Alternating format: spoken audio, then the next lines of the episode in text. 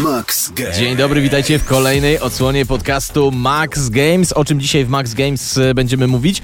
Wrócimy sobie do największego prawdopodobnie święta miłośników gier wideo z Europy, czyli zakończonych w ubiegły weekend targów Gamescom Kolonii. Co ciekawego zaprezentowano, jakie zapowiedzi się pojawiły, o tym sobie powiemy, ale będzie też e, recenzja bardzo, bardzo, bardzo nietypowej gry e, Control. No ale zaczynamy od e, Gamescomu, na którym tradycyjnie nie padło zbyt wiele zapowiedzi zupełnie nowych tytułów. Od tego są targi E3 w Los Angeles. W Kolonii raczej, choć też są wyjątki, pokazuje się nowe szczegóły gier już wcześniej zapowiedzianych, no ale to nie znaczy, że nie jest to interesujące. Wręcz przeciwnie, na przykład bardzo interesująca była prezentacja na Gamescomie studia Ubisoft, na której pokazano kolejne detale najnowszej odsłony serii Watch Dogs Legions. E, Każda z dotychczasowych e, dwóch e, części tej gry, akcji osadzonej w otwartym świecie, miała być w jakiś sposób rewolucyjna, a jak było to inna kwestia.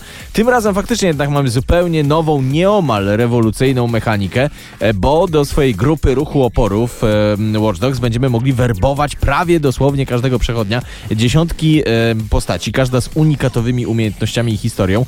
E, Fajnie się to prezentuje, miejmy nadzieję wpłynie to na regrywalność e, tytułu, a poza tym m, e, warto też zauważyć, że po-brexitowy ogarnięty chaosem Londyn prezentował się na pokazanych gameplayach rewelacyjnie. Rewelacyjnie, przynajmniej jeśli chodzi o kwestie graficzne, m, prezentował się też nowy Need for Speed, tym razem z podtytułem.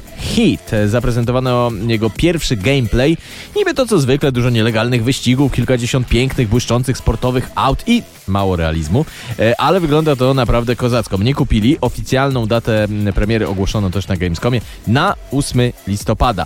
E, A jak już jesteśmy przy grach od EA, to nie do końca przekonuje nowa FIFA, którą też pokazano po raz pierwszy. W samym gameplayu nie widać absolutnie żadnych nowości, póki co. E, Na pierwszy rzut oka FIFA 20 to po prostu odgrzana FIFA 19 z odświeżonymi składami. Natomiast w trybach gry mamy jedną nowinkę, fabularny tryb Volta, e, w którym wcielamy się w drużynę ulicznej piłki, która pnie się w górę amatorskich rozgrywek. E, Drużynę mieszaną, męsko-kobiecą i co ciekawe, dziewczyny nie odstają umiejętnościami od chłopaków. Każdy to, niech to sobie sam oceni. E, Za to a propos gier piłkarskich, ciekawie zapowiada się nowe Pro Evolution Soccer. Tutaj sporo zmian w rozgrywce się szykuje. Przede wszystkim gra ma być dużo dynamiczniejsza. Często ten brak dynamiki właśnie PES-owi y, zarzucano, a poza tym e, PES zyskuje kolejne licencje, m.in. na Serie A i na piłkarskie Mistrzostwa Europy. Być może największym wydarzeniem e, targów był jednak pierwszy ujawniony gameplay z jednej z najbardziej oczekiwanych gier tego roku, Death Stranding od e, twórcy serii Metal Gear Solid e, Hideo Kojimy legendy w, środowisku gamingowym.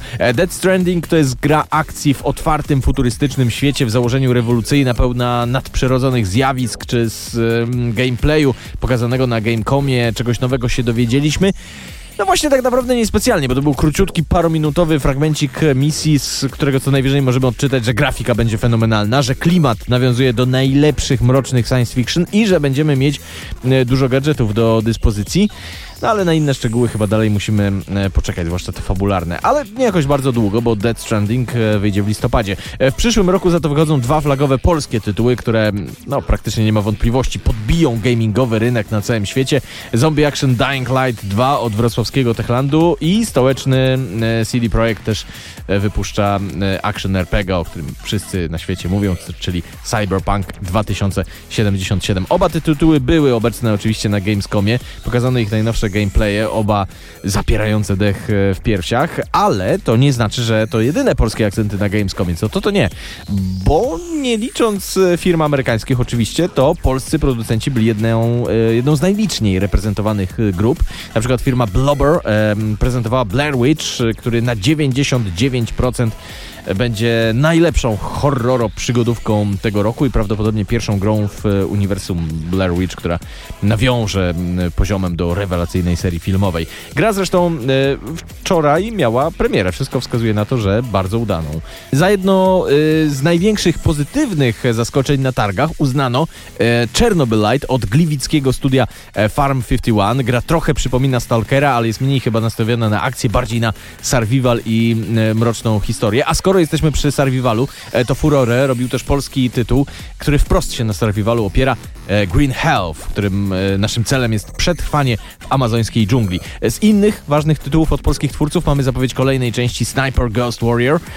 Ona wyjdzie w listopadzie. Niskobudżetowego, ale no, zaskakująco interesującego symulatora pszczoły, nazwanego po prostu Bee Simulator, też listopad. No i mieliśmy RPG akcji Giant Uprising. Tego spodziewajmy się już w 2020 roku. Max Games.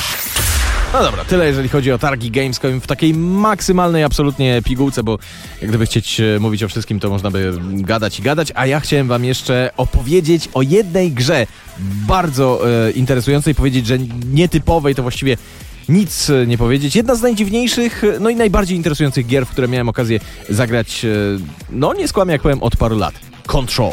E, Control to jest e, fabularna gra akcji od firmy Remedy Entertainment, twórców Alana Wake'a, Maxa Payne'a i Quantum Break E, i tak naprawdę elementy każdego z tych tytułów tutaj znajdziemy, ale jednocześnie jest coś całkowicie nowego, podlanego niesamowitym, tajemniczym klimatem i całymi tonami paranormalnych zjawisk.